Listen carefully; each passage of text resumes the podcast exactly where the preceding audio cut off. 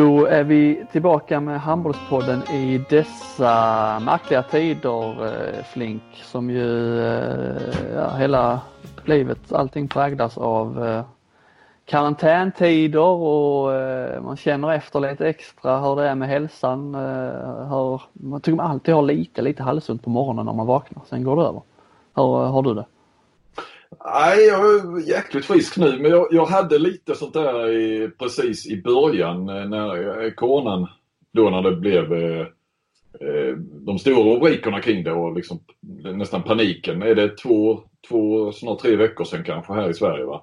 Mm. Eh, du vet att sonen höll vi hemma ett par dagar för något som han absolut hade gått till, till både träning och skola med. Men eh, då kommer jag ihåg att man var sådär, tänkte lite mer. Men sen så, nu nu tänk, tänker jag faktiskt inte på det. Eh, och sen så jobbar jag ju hemifrån normalt. Eh, sen är det ju jättestora eh, skillnader i, i, i, jobbet när det inte pågår någon idrott att bevaka och så ju. Man brukar vara ute på en hel del. Men eh, jag märker ju det. Det är ju mycket snack kring det här att eh, oh, jobba hemifrån och det, det, det läggs ut så. Tränar du, lunchtränar du hemma och Eh, jag vet på, på Aftonbladet så efter första veckan då när vi har ju bara så få som möjligt får jobba på redaktionen och resten ska jobba hemma. Och då, då kom det så mejl från höga chefer om att eh, hur går det att jobba hemifrån? Klarar ni er? Och, eh, det, var, det är okej okay att gå och luncha med, med, en, eh, med en kollega om ni vill det. Jobbet betalar. Och, så vad fan, jag, jobbat hemifrån i nio år. Inte varför, har ni inte sagt, varför har ni inte sagt detta tidigare? ja, tänkte kunde ju du och jag tagit en lunch. Kunde jag bjudit dig på lunch på Aftonbladets eh, ja. Eh, så. Nej, men det, det ja. Nej, så att eh, jag har de här dagarna senaste här nu, mina senaste arbetspass och så, så har jag inte, äh, det är klart man tänker på det, men jag är inte ett dugg orolig. För egen del eller för så. Men jag är kanske är naiv där. Det är alltså två veckor sedan nu eh, som handbollen ställde in eh, säsongen. Det känns som eh, bra mycket längre alltså. För två veckor sedan satt man ändå liksom och hoppades lite att det skulle kunna gå. Nu är det liksom nu förstår man knappt att man hade de förhoppningarna. Nej, Nej det har gått otroligt fort. Det är ju du... med så, äh, alltså då, för två veckor sedan, då satt man här, ja ja, äh, det ställs in nu och sen kommer det igång. Men ju, ju längre tid går här nu, för varje, för varje dag som går så börjar man undra om säsongen ens kommer att komma igång när den ska i september. Jag vet att de har börjat titta på lite alternativa planer där, handbollsligan, handbollsförbundet.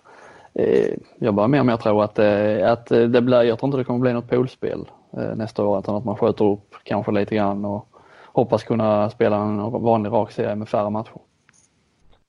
Ja okej, okay. men, med, ja, ja, men med slutspel och så i slutändan. Ja, ja. Mm. ja, ja. Ja, det är mycket möjligt. Jag ska väl bara skjuta in här ni som börjar lyssna nu här då. Det kommer inte bara bli Corona såklart. För det snackas ju tillräckligt om. Vi tar en, ett, ett Corona-block nu. Och sen kör vi lite nostalgi sen. Mm. Har jag fått det sagt. Nu får du fortsätta hamra på med corona. Du blev ju lite smått irriterad här att jag sköt på inspelningen lite. Så att den skulle gå in eh, efter klockan två. Det är torsdag efter lunch nu då. Eh, och vi kommer nog dra över där klockan två vilket du då smsade att eh, det var du inte riktigt nöjd med. Ja, vi hade ju satt ett där, det var perfekt. Då visste jag, då är vi ju garanterat färdiga då till eh, Tegnell drar igång presskonferensen där två. Det har ju blivit lite av en tradition det där. Eh, Lyssnar du eller tittar du på det? Ja, jag tittar på det varje dag. Ja, okay. ja. Jag har en fast, fast punkt i tillvaron. Ja, I början, eh, det var lite så kul i början. Det fanns ju, var ju extremt mycket för, alltså som sportfan, många undrar vad, vad sysslar ni med som skriver om sport? Det är ju ingen sport. Men de här veckorna skulle jag säga har ju varit mer, i alla fall för oss, eh, mer betydligt eh, mer stressa, alltså mer att göra, mer stressigt med tanke på allt, hur många det påverkar, hur mycket som har hänt, händer i dagligen nya grejer.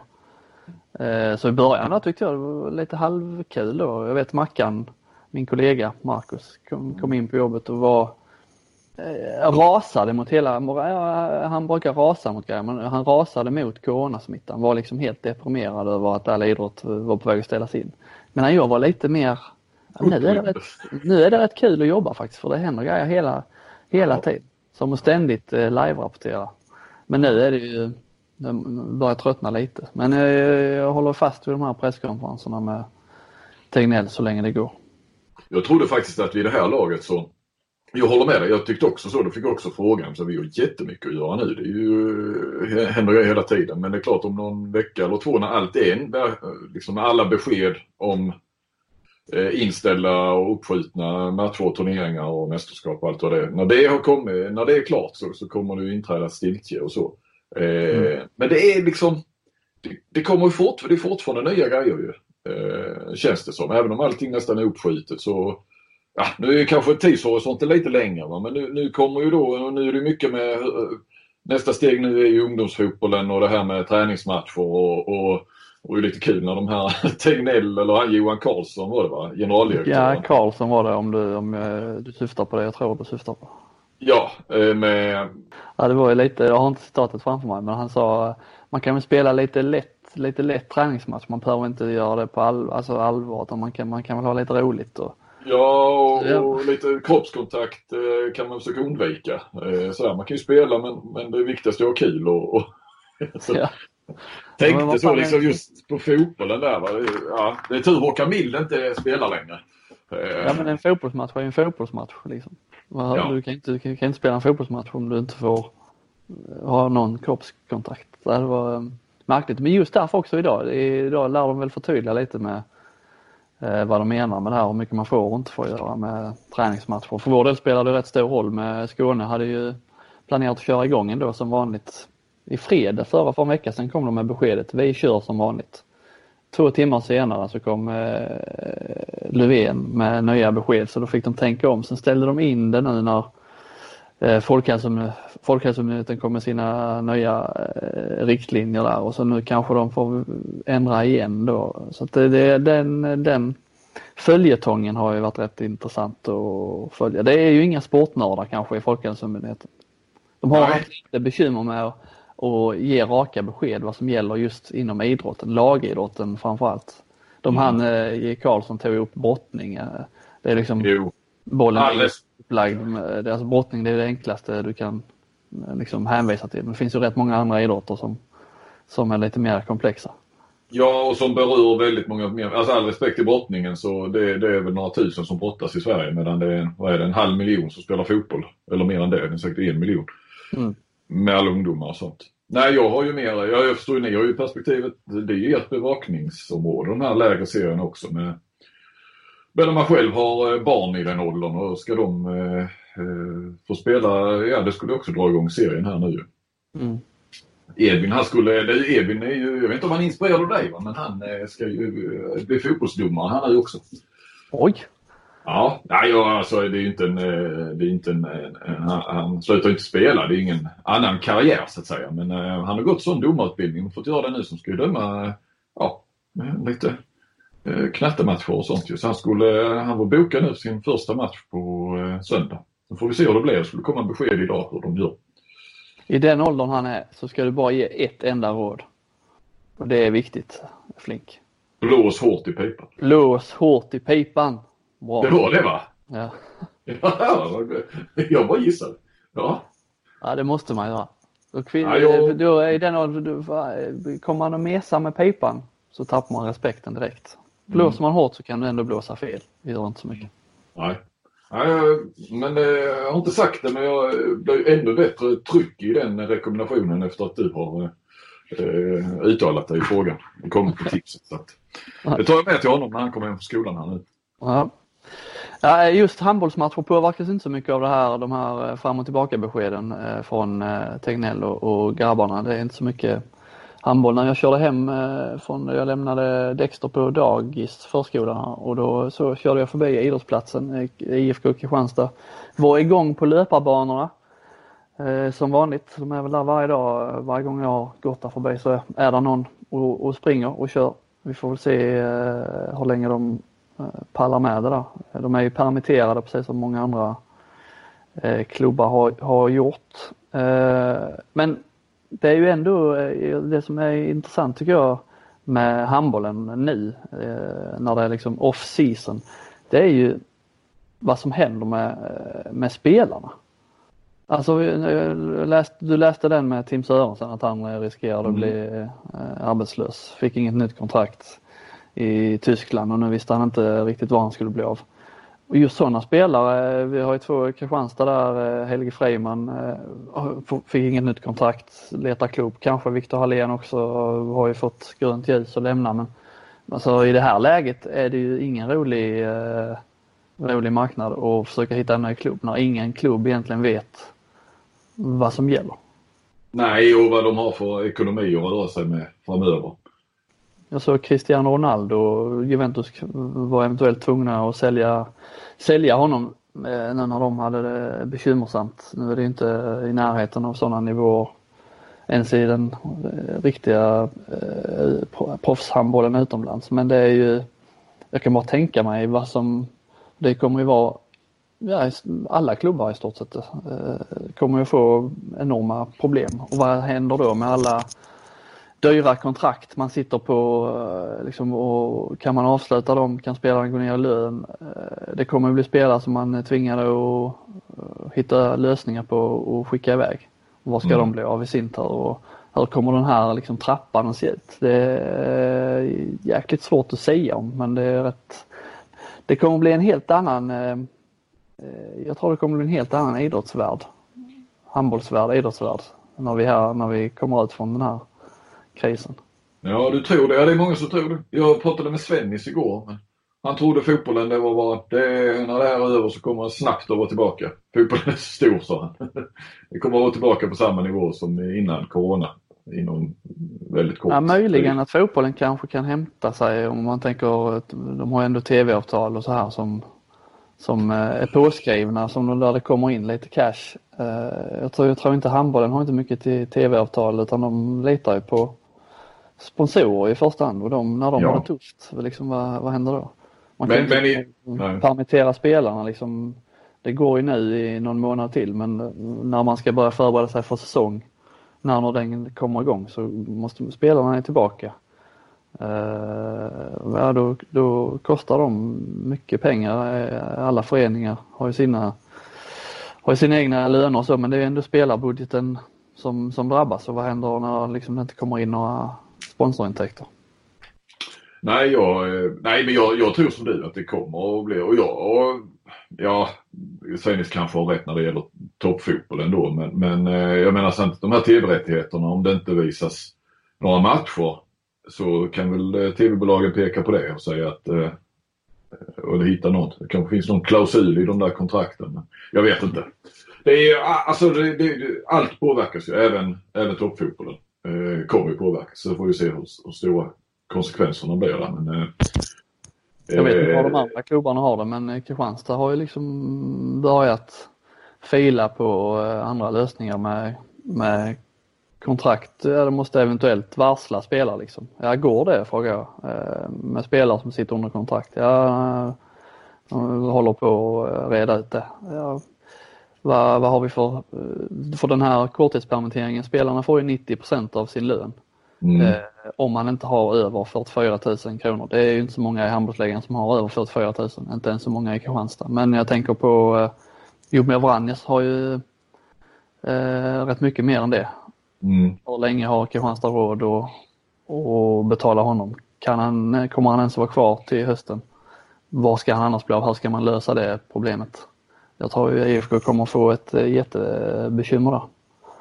För det verkar inte som att det här bara puff kommer försvinna eh, en sommar, vacker sommardag och sen kommer alla sponsorerna och eh, kasta sig rakt in i handbollselden igen utan det här kommer vi se effekter av flera år framöver.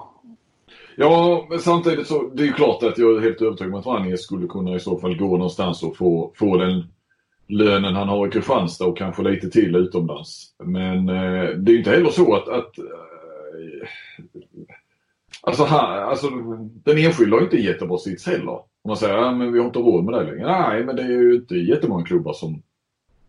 Det är inte självklart. Nej. Står ju och skriker efter... Jag menar alla klubbarna vi tror även rätt så högt upp i, i hierarkin, eh, toppklubbar i Europa och så vidare. Alltså, alla kommer ju påverkas. Jo, men, men, det är många som reagerar nu har jag sett.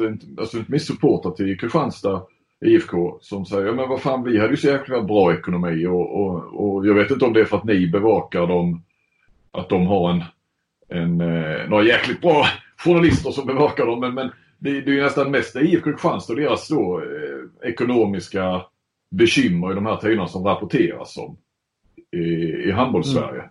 Ja, jag tror ju de, eh, de, ja, eh, alltså jämfört med andra klubbar har de ju det gott ställt så eftersom de har lite kapital, eget kapital på banken och kan luta sig mot. Men de liksom, vad är det, 6 miljoner någonting. De kan ju försvinna liksom eh, puff. För ja, ja. har ju också liksom högst spelarbudget. Ja, de har ju höga kostnader också ju. Ja, de har ju liksom mycket pengar men de har ju också ja, höga kostnader som gör att det där kapitalet kan ju eh, försvinna rätt snabbt. Medan andra klubbar har ju kanske noll, eh, ingenting att stå på alls nu och där är väl problemet inte att kapitalet försvinner utan att klubben går i konkurs om, om man inte gör någonting åt eh, löner och, och så här. Så det är ju Nej, jag har inte heller läst faktiskt det sägs så mycket om statusen i andra, i andra klubbar men det, det, kanske är det lite för att nu vår, sommar när handbollen är slut så är det ju inte, det är inte på den här tiden som klubbarna heller normalt sett drar in sina, sina pengar. Men mm. eh, kanske att vi får se, eh, jag tror det dröjer några månader men eh, framåt eh, sensommar, höst senast tror jag det kommer att smälla till i jag tror inte eh, alla klubbar kommer att överleva det här eh, helt självklart. Nej, Nej och, och, det är ju cyniskt men det är ju onekligen en intressant tid för oss eh, som bevakar. Alltså, det, det, ja, det blir ju intressant att se vad effekterna blir. Inte så roliga såklart men eh, där finns ju saker att rapportera. Ja, nej, detta är ju hemskt alltså, men det, är, det kan gå åt två håll ju. Blir det spelarnas marknad eller blir det klubbarnas marknad? Det kan ju bli eh, en situation där spelare i riktigt bra klubbar tvingas lämna, får gå och sänka lönen, gå till en annan klubb som i sin tur tappar spelare så att det liksom spelarkvaliteten att helt plötsligt kan svenska klubbar hitta riktiga kap. Ja. Eh, till en billig, Men har de pengar? Ja. Men de, har man pengar till de, det? Nej, det har man Någonstans nej. kommer spelare liksom och falla här genom seriesystemet. Tror jag. Ja, och då blir det Många klubbarnas marknad. Redan men, det, men det är svårt att säga att det är klubbarnas marknad om de håller på att gå omkull också. Ja precis, nej det är så jäkla dubbelbottnat. Eh, det är ingens marknad kanske vi kommer landa i, varken spelarnas eller klubbarnas. Nej, allt bara, allt går ner en nivå eller två i frågan om pengar. Alla har mindre pengar. Ja, pengar måste det vara så. Samtidigt måste ju, det finns fortfarande bra handbollsspelare. Ja, ja. De måste ju spela någonstans. Ja, ja. Men eh, liksom de här lönerna som man är vana vid kanske inte kommer att existera på ett bra tag.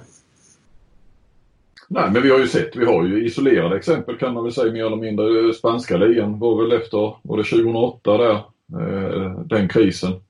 Det, det gick ju stöpet nästan alltihop. Mm. De som tror, de jag tror kommer klara sig bäst är ju klubbarna av typen eh, PSG med, med liksom, som inte är beroende av massa sponsorer utan som har en stark typ ägare. Mm. Eh, ja, AMO handboll eh, pratar mycket om att de har, de har en sån oerhörd sponsorkraft där från en enda sponsor. Kanske gynnar de det här. AMO blir coronakrisens stora vinnare mästartränaren är, är på, på rätt plats vid rätt tillfälle. Igen. Stockenberg. Fingertoppskänsla. Stockenberg. Ja, ja.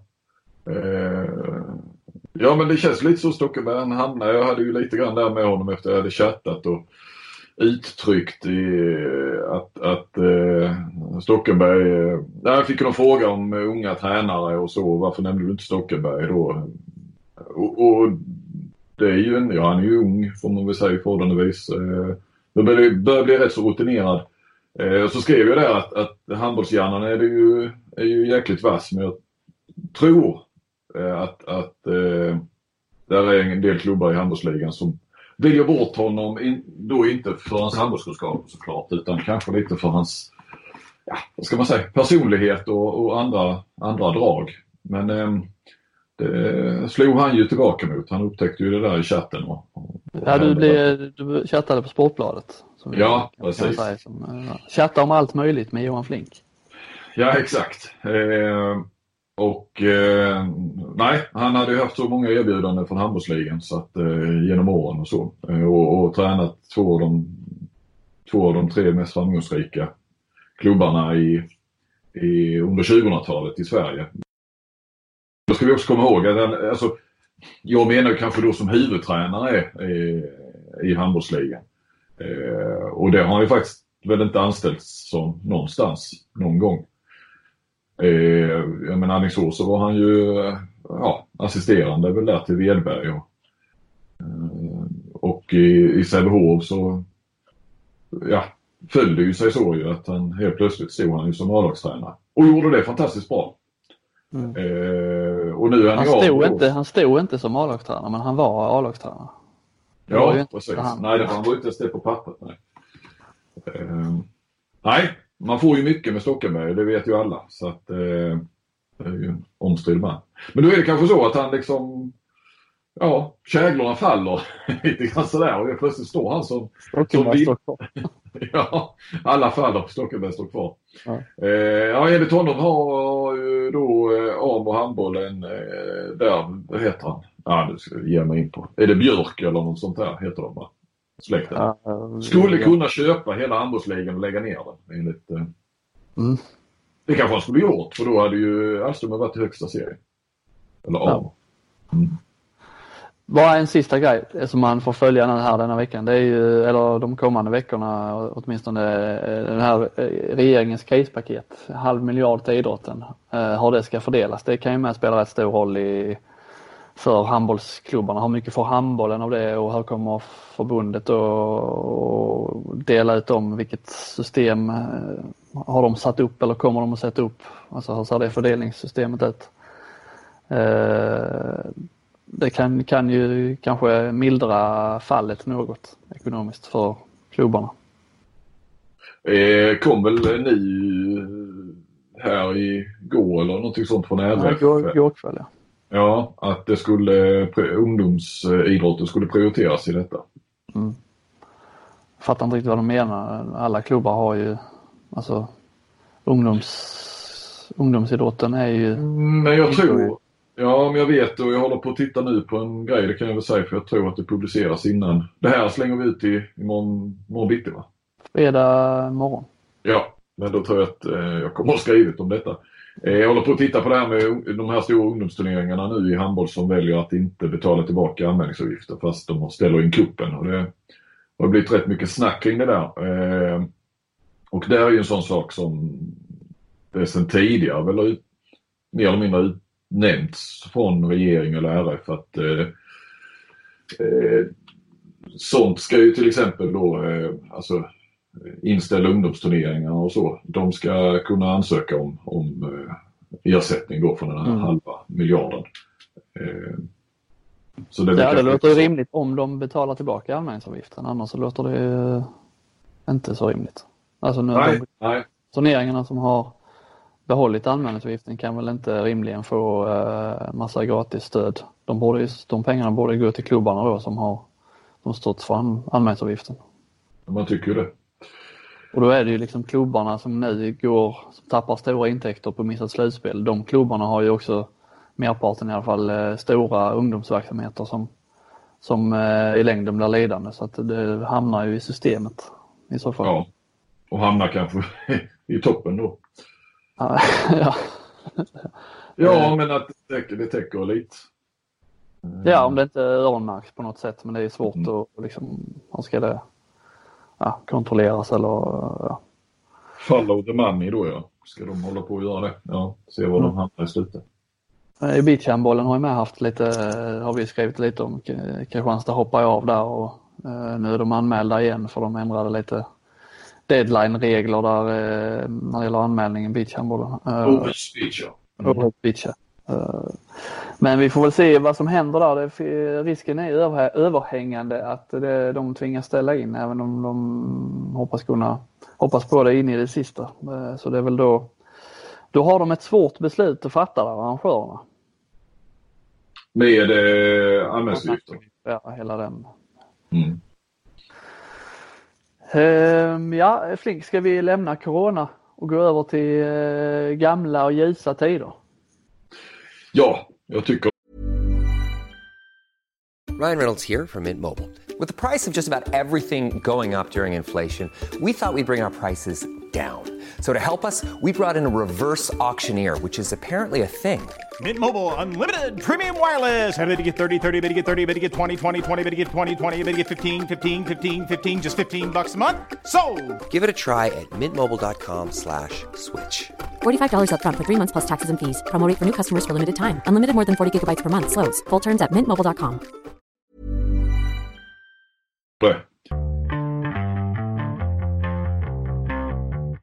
Det är ju många nu som, eller SVT ska vi säga, vi börjar den änden, eh, la ju ut nu i, i karantäntider eh, gamla sportkrönikor och eh, fotbolls-VM-krönikor. För folk som är, ja, sitter hemma mycket nu.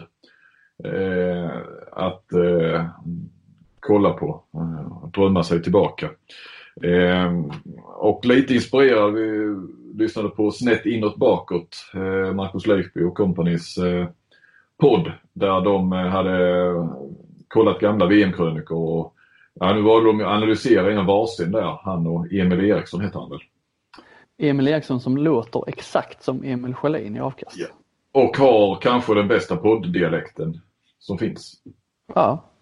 Den är väl där, det är väl Småland, Halland eh, någonstans. Det är något där, ja precis. Mm. Men eh, väldigt behaglig. Jag såg du har snackat om det, Emil Sjölins behagliga podd, ja. podddialekt tidigare. Jag håller med dig.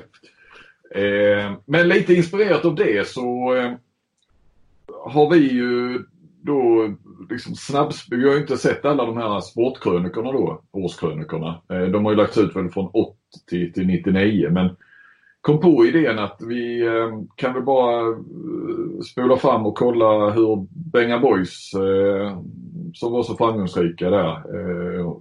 Nu har vi kollat 90 till 99 och sett eh, ja, hur de eh, eh framställdes eller vad man, kunde, vad man kunde se. Lite nostalgi så. Lite reflektioner över det. Eh, så det har vi väl gjort Robin. Var för sig, vi har inte pratat om det mer. Ja, jag har förkovrat. Jag är ju ingen nostalgiker på det sättet egentligen men eh, när man väl liksom eh, tar sig tiden och sätter sig och kollar så är det ju i alla fall jag tycker det är roligt att se eh gamla turneringar som man själv liksom kommer ihåg lite. Jag har inte alls samma glädje av VM 90-bilderna som jag gissar att du har eller andra som har var med då och såg turneringen. Jag var inte så gammal så jag såg inte det. Då har jag mer glädje av eh, 99 till exempel. Mm. Eh, den VM-finalen. Eh, men eh, ja, det är ju kul alltså. 90 där med ja, Johan Eklunds blåtröjor fastnar över hela tiden. ja. eh, och då har de ju, de kör väl nästan bara, eh, alltså i inslaget i krönikan så är det väl i princip bara finalen som visas va? Är det väl bara finalen tror jag? Ja, jag tror det. Och sen har de ju då eh, suttit ner med Björn Gilsén. han går inte genom rutan där. Nej, det, det, det, det, gör han inte. Och, eh, men, men notera den otroligt smala slipsknuten och eh, rätt saftiga axelvaddar i kostymen. Oerhört sömnig. Ja, ja. Och sen visar de bara de, det, de, de man märker när man går vidare sen år för de här inslagen i årskrönikorna blir ju bättre och bättre. Här 90 det är väldigt mycket eh, bara rent, de visar sekvenser från matcherna där Arne och Claes kommenterar. Visar ja. 30 sekunder hit, det är inte så mycket så. Eh, man vill ju höra Jens Lind eller Pelle Nyström mer, eh, den typen mm. av eh, sammanfattningar. Mm. Ja, det blir ju bättre och bättre. Nej, det är rätt så ovinklat så bara. Eh, Men det är ju, man får ju rejält om, om finalen i varje fall. Men det, ja, det är kul att sett lite annat också. För alla de här bilderna har man ju sett. Eh, har jag i alla fall sett flera gånger. Men, eh, Vad är, Ja, ju- vad är dina favoritbilder då från, eh, liksom, vad är det du, om jag hade väckt dig mitt i natten, sagt, vad minns du bäst från VM 90 Flink? Vilka sekvenser är det du liksom fastnar vid? Ja, det är ju, det är ju Ragges tårar efter slutsignalen. Han var väl expert i radiosporten då tror jag. Mm. Eh, det var ju ändå liksom hans, det var ju hans gäng som tog det där guldet. Eh, och sen har jag ju också Bengans, eh, det är ju intressant för att TV4 var väl först då Ekvall som satt med vid bänken men de är ju väldigt, väldigt nära här. Där är väl ingen reporter som sitter med men de är ju, de är ju precis bakom bänken och filmar och, och eh, ljud och, och så. ja, och innan matchen så är de ju liksom inne och filmar med ljud eh, liksom i ringen och vad de säger till varandra där och de peppar Ja. varandra inför avkast. Eh, Det, Det, det, var, det var lite förvånande faktiskt att, att, att det var så, så tidigt. mm. Eh, liksom det greppet ändå fanns med. Då är det ju Bengas, eh, man hör inte vad han skriker ju. Eh, Ja det är ju något, något halländskt bröl bara. Och sen har vi ju eh, Staffan Olsson också när eh, Pierre Thorsson knorrar in i, i slutskedet och han bara vänder sig om på bänken, höjer armarna och så skriker han till någon där, vilken jävla gubbe. Eh, också rätt så härligt. Man får ju också se Kerry Holmgren, legendariske materialaren som, som går runt och peppar eh, spelarna inför eh, finalen där då. Ja precis som du sa när de är, kameran är väldigt eh, tajt inpå. Mm. Nog en eh, stämningshöjare, Holmgren. Per Carlén har ju den här offensiva faulen som är helt otrolig som jag eh, fastnar vid varje gång. Att, att inte den, eh, vet du vad jag menar? Ja men han går upp så att säga på åtta Han meter. går, ja, det är lite halvhoppskott men där står Ja men det är en kontring, det är väl en andra fas kontring och så står Ja. det två. Ja, och så går han upp ja. Det tänkte jag också. Det, det skriker ju Ståmer i, i Det hade aldrig blivit VM-guld 2020 med, med det sättet. Nej. Nej. Eh, nej. Och sen är ju parkettgolvet. Det är kanske inte så bra rent tv-bildsmässigt men eh, det är ju ändå någonstans eh, handbollsestetiskt snyggt. Mycket vulkanskydd också. Mm. Jag såg nu en grej som jag inte tänkt på innan som jag såg när jag kollade på det igen. Eh, det går ju en, en rät linje eh, från 90 till 99 gällande Staffan Olsson och hans, eh, alltså vad fokus ligger på med Staffan Olsson. Alltså det här är krönikor, man får se kanske 5-10 minuter från, från, varje, från varje år handboll. I nästan varje krönika så eh, handlar eh, han, när de pratar om Staffan Olsson så handlar det antingen om att han slarvar eller att han räddar Sverige i ett avgörande skede. ja, och då är det Redan- inte i, i 02 med ju där, där han räddade, han tog Nej. Sverige vidare till eh, förlängning där. Man hör där i, redan, redan 90 så hör man Bengt Johansson, eh, Staffan blir utbytt Ja. och Sta, eh, Bengan står och skriker på dem. Ska du in igen så får du inte slarva. Skjut långt, skjut långt utifrån tror jag man säger.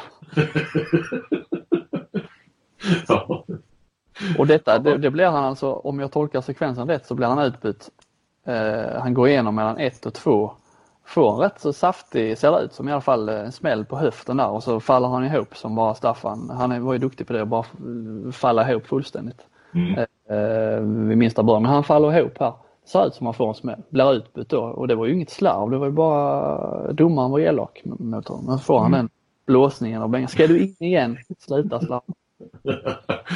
Jag vet ju att han redan ja, 92, 93 eller något sånt eh, tror jag Peter Wennman hos oss intervjuade Staffan. Eh, det var ett uppslag så att han, eh, kanske det måste varit 94 kanske. något sånt. Ja, där han var i alla fall eh, var trött på stämpeln som eh, eh, ja, men den här som spelar, kastar bort för mycket bollar eller ja, jag kommer inte ihåg exakt hur orden föll va? men, men eh, men då, alltså, då var det ju liksom internt redan 1990 så, så, Ja, så hade, hade han en stämpel av att, eh, att spela med för små marginaler och kasta bort Ja, det mycket. kändes som att Bengan, det här var liksom inget som kom i hetta från Bengan eh, i VM 90 utan det här hade han stört sig på länge. Kanske långt Ja. innan han, ja, första gången han såg Staffan Olsson spela handboll. Han slarvar för mycket. Det var det, den känslan fick jag att det här, det här var något underliggande som, som kom fram här nu i eh, en avgörande stund. Mm. Eh, ja.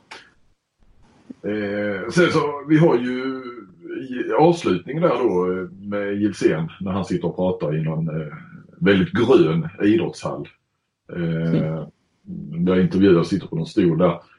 Så, så, så säger han ju det. Jag tror ju inte att, att eh, vår, han frågar, eh, får väl frågan om framtiden nu. Han har ju vunnit VM-guld och så. Så då sa han det. Jag tror inte att vi har mentaliteten. Eh, tror inte vår mentalitet passar att jämt vara bra. Eh, eh och för detta var ju hans sista mästerskap. Han slutade ju sen i, landslaget. Eh, det fick han ju, det blev ju lite fel. Eh, ja. Han hade också sagt till dem, för här tar också han får frågan, kan ni upprepa det här? Och han sa, nej men då har jag sagt till killarna att det, det, det går inte, det här kan vi inte upprepa. Eller ni. Eh, och att de andra då hade mest garvat åt honom. Ja, de andra fick rätt. Ja, de var nästan alltid bra i alla fall. Men det blir, jag tyckte ändå han, han har en ofrivillig poäng där för de turneringarna jag minns när man var yngre var ju att Sverige var ju rätt, så kunde vara rätt risiga i början av turneringen mot liksom eh, lite sämre motstånd och, och där tänkte man att ja, de är slut, det här kommer aldrig, men sen blev de ändå bra. De tog ändå medalj i, i, slutet. Så på så sätt kan man ge honom rätt lite. De var inte alltid bra, men de var alltid eh, bra när det gällde. Nästan. Ja, ja, men jag menar någonstans så blev de ju världens mest framgångsrika landslag. Så det får man väl ändå, under 13 år eller vad det var, får man väl ändå säga att de var eh, att de jämt var bra. Men ja, jag förstår vad du menar. Sen i de enskilda matcherna så, så eh, men de visste ju exakt hur mycket de behövde göra för att ta sig fram. Ja, ja. Eh, eh, vi ska också mm. säga att eh, OS-krönikor är inte utlagda. Så att eh, när det är OS-år då 92 och 96 så eh, ligger ju eh, handbollen då, om vi tänker på eh, finalerna och, och, och handbollen i OS ligger ju såklart i OS-krönikorna och de ligger inte ute ännu. Jag har dem nu på gamla VHS-band men, men eh, det är ingen större poäng för tanken är ju att vi ska väl locka lyssnarna till att eh, nu slå på SVT Play och ligger ju gratis där och kollar de här sportkrönikorna. Mm. Så att så nästa då vi har är ju 93, eh, hemma-VM. Du hoppar över krönikan 92 när Kent Harry han sjunger efter Ystads SM-guld.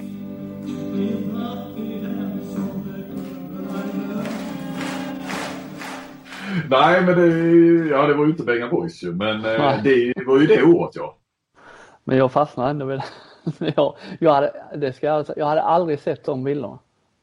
När han står där och sjunger.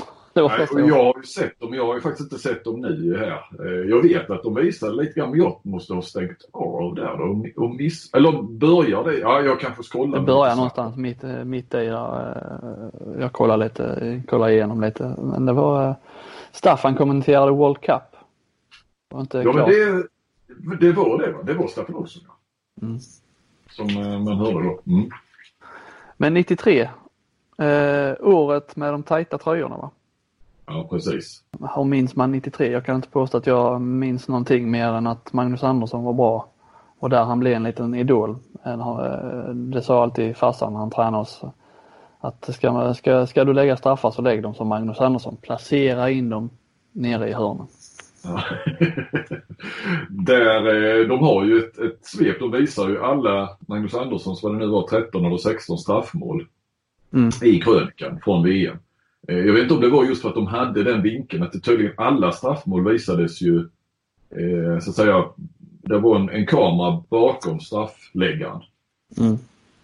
jag vet inte, den har väl inte alltid funnits den kameravinkeln så att säga. Men då hade de alla där då gjorde de ju en, en grej av det då ju. Så man får se honom smälla in. Ja. Och det var rätt många nere i, eh, vid stolproten. Ja. Eh, det var det, men han varierade sig lite i, i själva avslutet. Alltså ibland kastade han ju sig. Ja. Eller la sig. Han nästan kastade sig för den, foten var inte alltid i, i golvet. Men han, det ser ut också i hans, eh, när han lägger straffarna tycker jag framförallt. Det ser ut som att bollen är liksom lite för stor för hans hand så han föser nästan. Vet han skjuter inte, han föser iväg den. Ja, fast han kunde ju ha rätt bra klipp på avstämda skott. Ja, det är det som sen när man ser matchbilder så får man inte alls den känslan. Nej. Eh, kallas ju virus för, för övrigt ju. Magnus? Mm, mm. Han var alltid sjuk. De kallar, ja, ja, jag frågade Staffan Ols, han, han pratar han om Magnus Andersson så säger han ju bara virus.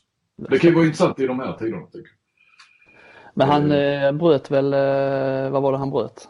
Nå bröt tum, tummen tror jag det var. Mm.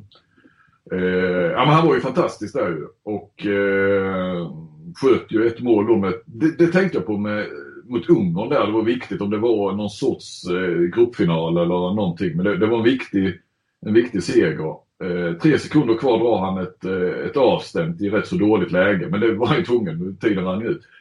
Och i och för sig tre sekunder kvar men men liksom, på den här tiden fanns ju inte snabba avkasten. Eller man skulle ju springa hem först och sen så blåste de igång det. Så han hade ju tid och där stod Erik Kajas liksom kvar i struten och de körde en, en eh, vad heter det, heter det Haiten, alltså sån. Mm. Eh, som målgest och sen så joggade man tillbaka. Eh, som sagt, det var bara två, tre sekunder kvar. Men även om det hade varit åtta sekunder. Så idag är det, jag menar drar han det skottet då, då sticker ju kantspelaren hem. Alltså alla drar ju hem snabbt som fan för att, liksom, så att de inte ska kunna hinna dra något eh, snabbt avkast och få ett avslut mot mål. Mm. Men här kunde man i goda ro liksom bara stanna upp och jubla. Apropå det, får jag ta en kort avstickare till 97? Ja. Eh, Sverige, eh, Sverige möter Spanien i kvartsfinal. Eh, ligger under med ett mål. Eh, 30 sekunder kvar. Eh, går upp i anfall. Måste göra mål. Vad händer då? Sekunderna tickar undan. Och Staffan Olsson räddar Sverige kvar i matchen. 21-21. Förlängning två gånger fem minuter. Men han tar ett skott som alltså här ska man ju, vid nutid hade man ju hållit i bollen så länge det bara går. Jag sa till och med på den tiden att det var eh, för tidigt. Han sköt väl med 23 sekunder kvar tror jag. Eh, kvitterade till 21-21. Mm. Typiskt eh, Staffan skulle jag säga. Han var ju, egentligen var ju Tysklandsskottet var ju med lite för tidigt i EM 2002. Ja. Eh, så, så, det är ju, men där var liksom, det var inte heller något hemspring och tala.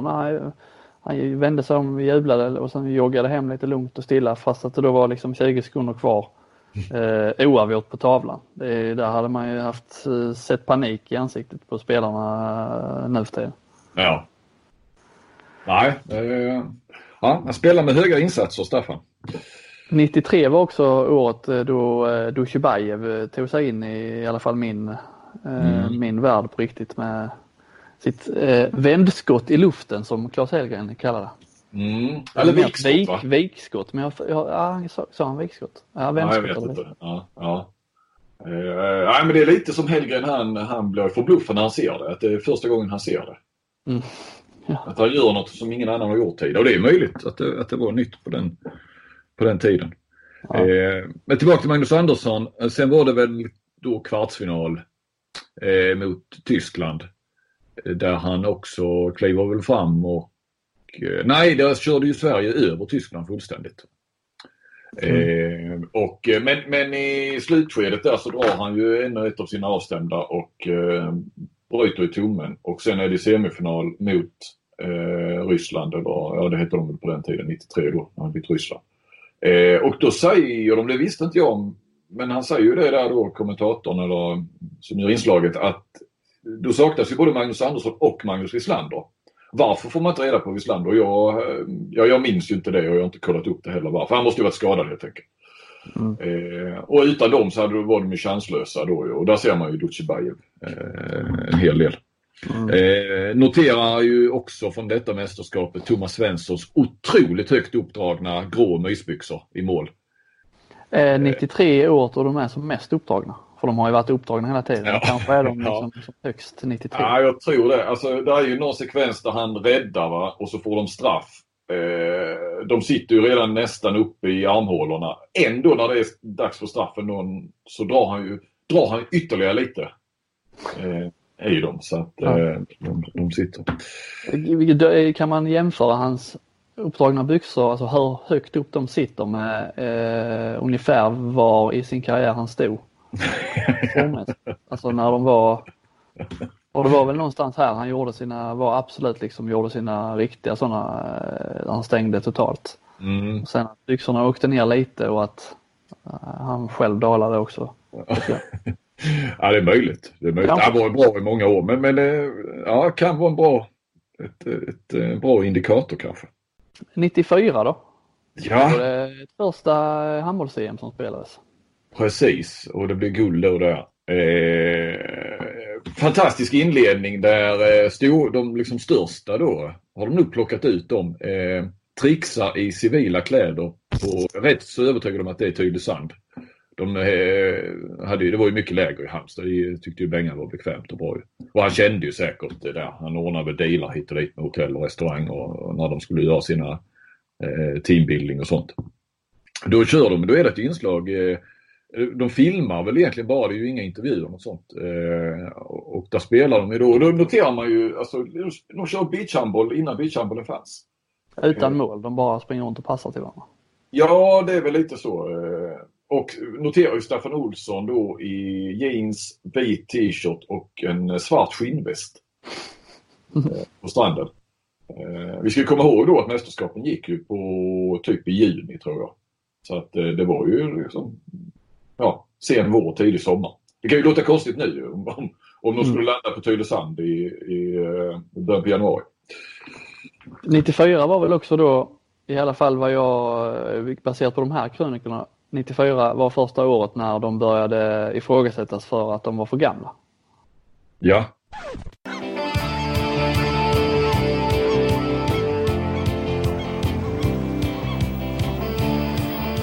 De fick höra att de var för gamla, för långsamma och att de inte skulle ha någon chans. Och det var alltså 94? Mm. för gamla. De var för gamla redan 94 ja. Men eh, då var ju stommen var ju 30. De var ju födda 64 ju. Ola Lindgren, Staffan Olsson, Magnus Wislander. 30 ja. Uh, nu skulle man säga att det är man väl knappt nått sin peak nu. Nej, nej. I, I och för sig. Alltså. Men eh, ja, och sen åker de ju ner till Portugal och eh, ja, de spelar, det är väl den matchen, de har väl, eh, Bengan säger väl att det är den bästa matchen de har spelat. De möter ju ryssarna som var riktigt bra på den tiden i finalen och kör över dem med 34-21. Mm. Eh, notera, det är ju Stefan Löfgrens genombrott. Mm. Eh, hans första mästerskap också tror jag. Eh, 24 år. Snabb i fötterna. Ja, starka stegersättningar. Mm. Genombrott. Eh, noterar att, eh, hur, jag vet inte om du tänkte på det, då när slutsignal, de är ju helt överlägsna och, och kameran är med då nere bakom bänken. Eh, helt plötsligt står där en portugisisk eh, kille, yngre tonåren, 12-13 år. Han går fram och så knackar Magnus Andersson på, eh, på, eh, i ryggen där, där Andersson sitter på bänken när matchen pågår. Eh, han vänder sig om och så killen liksom håller fram eh, underarmen och pekar ungefär som på klockan eller någonting sånt. Och Magnus Andersson ja, vänder ju sig om igen bara. Sådär. Ja, och sen så går ju slutsignalen och så springer ju alla in då och kameran hänger med. Och med där är ju vad det ser ut som en massa portugisiska eh, barn.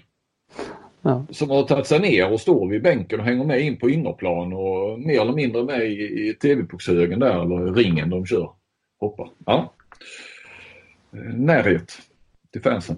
Ja, det får man säga. Hoppar vi över till 1995 eller? Mm. Då tror jag också att då har väl SVT tappat rättigheterna. Eh, Oh, ja. Mm. Jag tänkte på det för då kan de inte köra de här som de körde 90. Då är det ju väldigt mycket som du sa Hägerfors Hellgren, alltså det här referatet egentligen. Eh, ja, man får, man får höra hur, liksom deras eh, live-kommentering då ju. Men eh, 95 så tror jag TV4 har tagit över. Perskog och, och Hellgren har väl flyttat ner där. Det är väl då de gör sitt första mästerskap tror jag. På Island. Sverige tillhörde förhandsfavoriterna men förbundskaptenen Bengt Johansson fick kritik. Att Sverige kom till spel med ett rent gubblandslag. Då hade de ju tagit VM-guld och VM-brons 93 ja. Och så är detta nästa VM och så förlorar de ju i semifinalen. Direkt efter semifinalen som de förlorat och det står klart att det inte blir någon final och då frågar ju Pelle Nyström om det här innebär, frågar Bengan, innebär det här en generationsväxling? Nej, Det innebär som vanligt att vi är topp. Ibland vinner vi, ibland förlorar vi. Och sen eh, tar de lite revansch på sig själva så att säga i, i bronsmatchen sen och vinner den. Men om vi är 97, Inte ens där har jag några minnen, det var 11, där har jag liksom inga äh, minne så direkt. Men det, Jag är ska bara säga, ju... de spelade ju 96 då ju. Det var det ju i OS, det, det finns ju inte med. Nej, De blev ju, det var ju då de missade medalj i EM. De blev ju fyra i EM. Jag tror det spelades i, i juni där, men allt fokus låg ju på OS i, eh, senare där i, i juli. Mm. Eh, De vann World Cup i Globen, det är det ju något inslag med. Man ser en långhårig Mats Olsson.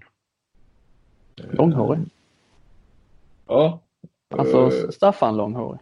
Nej, nej, ja men liksom början till så lite, ja. Alltså rätt så tunt framåt, liksom, eh, fram till va, men, men eh, nej, jag inte så, inte som Staffan Olsson. Ja. ja, det blev inte mycket från EM i och med att de missade medalj där. Och sen var det 97 ja, i Japan. De dricker gravöl och så här, silvermedaljen. Men han, Gravöl trots att medaljresan som påbörjades i Prag 90 fortsatte. Medalj i nästan alla mästerskap under 90-talet. En resa som kanske såg sitt slut i Kumamoto. Ja, sen vet vi två år senare så tar de guld då. Eh, nej, han, han är ju lite så. Han, han tror hela tiden det värsta, Pelle. Eh, Jag noterar ju också, för ändå om vi ska ta någonting från, från eh, årskrönikan där då 97 så Johan Pettersson ser man ju då i, fortfarande i matchkläderna öppnar då, de pratar om gravöl så ser man ju, det är väl från omklädningsrummet. Han är ja, med och filmar där också. Han öppnar en öl med en annan öl då. Alltså två flasköl där. Johan Pettersson. Rutinerat. Mm. Eh, eh, är han? 20? Ja, han är ju så 24 då ja. Jag tror Bengan, äh, Bengan får en fråga i, i, äh, som de visar i krönikan äh, om, man var, om de var nöjda. Och, Man får aldrig vara nöjd i idrott och når man inte längre än målet. Nej, det tänkte jag. Längre Jag fattar. mål. jag fattar inte riktigt. Alltså det kan ju vara genialt kanske. Äh, men äh, då når man inte längre än målet. Nej. Det, Om man når målet så är det väl perfekt. ja, ja, precis. De har satt för låga mål ju. Ja, man Man får aldrig vara nöjd. Då når man inte längre än målet. Jag har funderat mycket på det vad han menar. Ja, ja det kan vara, eh, kanske flyga över våra huvuden. Antagligen. Eh, Mm. Hoppar vi 98. över till 98 ja. Ja, där tog de ju ett nytt grepp, eh, krönikan. De körde någon sorts liveshow eh, på nyårsafton. Med, Just det, var det året ja. Ja, man hade en inbjudna gäster där. Tony Rickardsson var där, Magdalena Forsberg och, och då uppklädda Ulf Dahlén för Tre Kronor och sådär. Så satt de och snackade lite grann och, och visade lite. Christer Ulfborg eh, styrde med, med hela sändningen med järnhand. Var det då Eh, Bengan var i Australien? Ja, då berättade de ju då att eh, och då hade ju Sverige tagit EM-guld eh, igen där och eh, tankar och fått bragdmedaljen ja. Det är ju Mm. den som fick lite retroaktivt brukar de ju säga för att de inte fick det 90. Och eh, då säger han ju det, ja tanken var ju att vi skulle dela ut medaljerna, bragdmedaljerna här i, i, eh, ikväll men eh, ja, spelarna är ju, är ju runt om i världen och, och Bengt Johansson är i Australien. Eh, Det var då han hade ett extra knäck tror jag för att hjälpa australiensiska landslaget inför sitt hemma-OS. De är ju direktkvalificerade då. Här. Ja, ja. Så Bengen åkte ju ner där då och hade det som ett extra. var nog rätt bra betalt, rätt behagligt. Och det de har vunnit är ju EM-guld då ju. Trots att de var däckade av salmonella. Inför ja, eller i början. Var det mycket, var det mycket snack om det då? Inför? Var det liksom eh, ett stort kris, en stor kris? Det kommer jag inte ihåg eh, faktiskt. Alltså, jag kommer inte ihåg att man läste så mycket om... Det var ju lite så också. Det, är- det är som idag, det är tätt med mästerskap. Alltså jag kommer ihåg, alltså VM 98 kommer jag ihåg precis hur jag laddade upp och, och så inför, eh, alltså fotbolls-VM. Men, Mm. men handbollen, det var ju ändå lite så, eh, jag kommer inte ihåg där 98, hade de ändrat, hade det börjat spelas vid en annan... De spelar de fortfarande i maj, juni då. Ja, det, det skulle du kunna kolla upp. Ja. Eh, för i så fall är det ju liksom, där ligger ju allt fokus på fotbolls-VM i Frankrike i juni. Mm. Eh, men jag kommer inte ihåg mycket så eh, av eh, sådana saker, hur, hur snacket gick inför och sådär.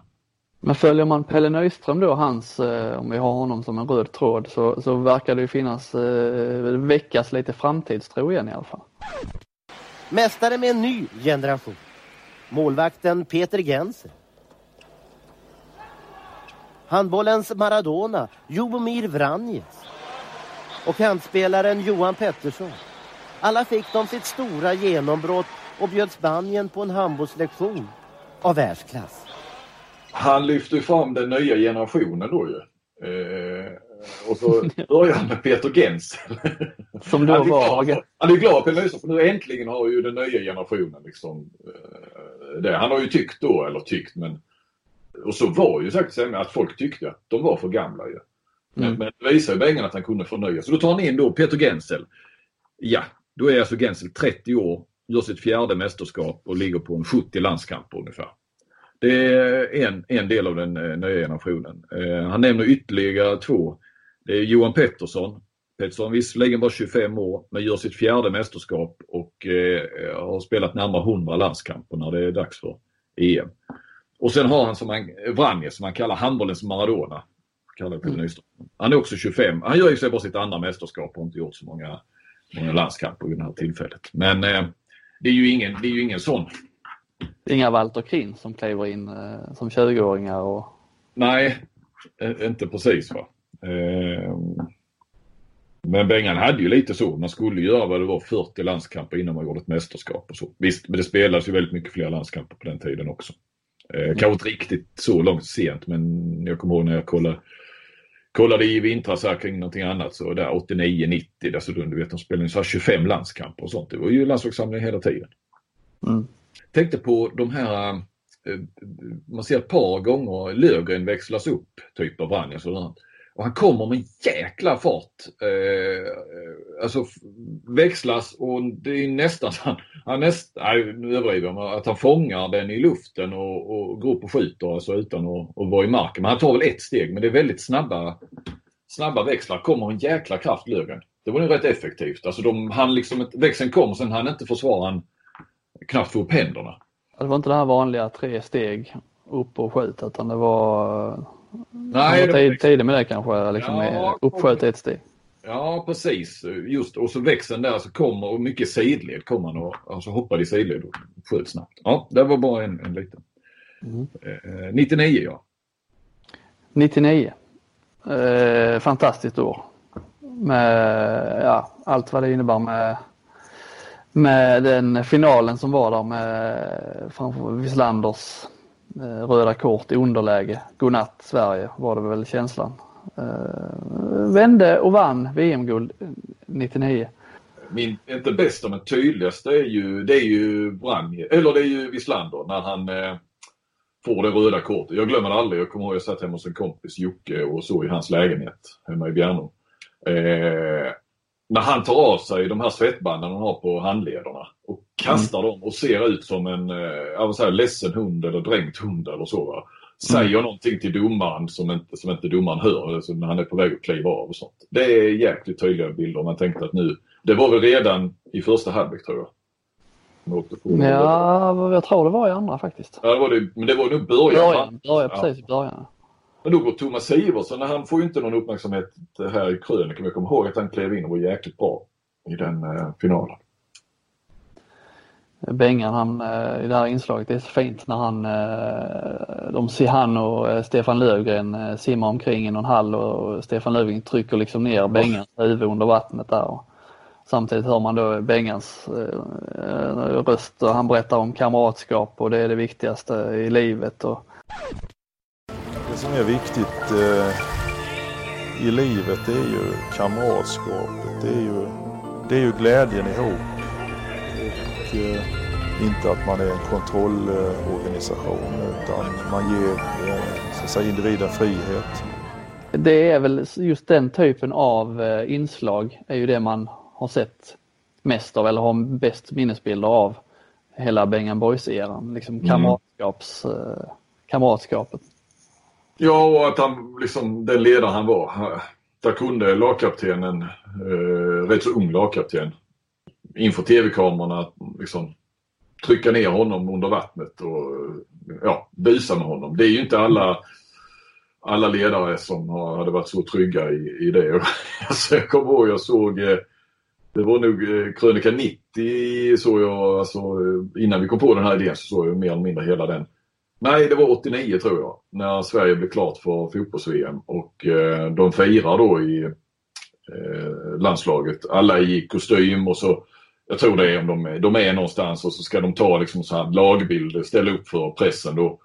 Eh, och så vill de ha ner eh, det är ju liksom 20 man då hela truppen och så vill de ha med Olle Nordin då att han ska lägga sig så som en målvakt mm. framför.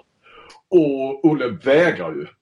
Eh, för det, han var ju väldigt noga med, med sin image och så vidare. Eh, och de tar, Glenn Hysén till sist tar, trycker ner honom och så är han precis nere liksom och vänder lite halvliggande. Men hoppar upp och, och sätter sig. Så till slut går han med på att sitta upp i varje fall.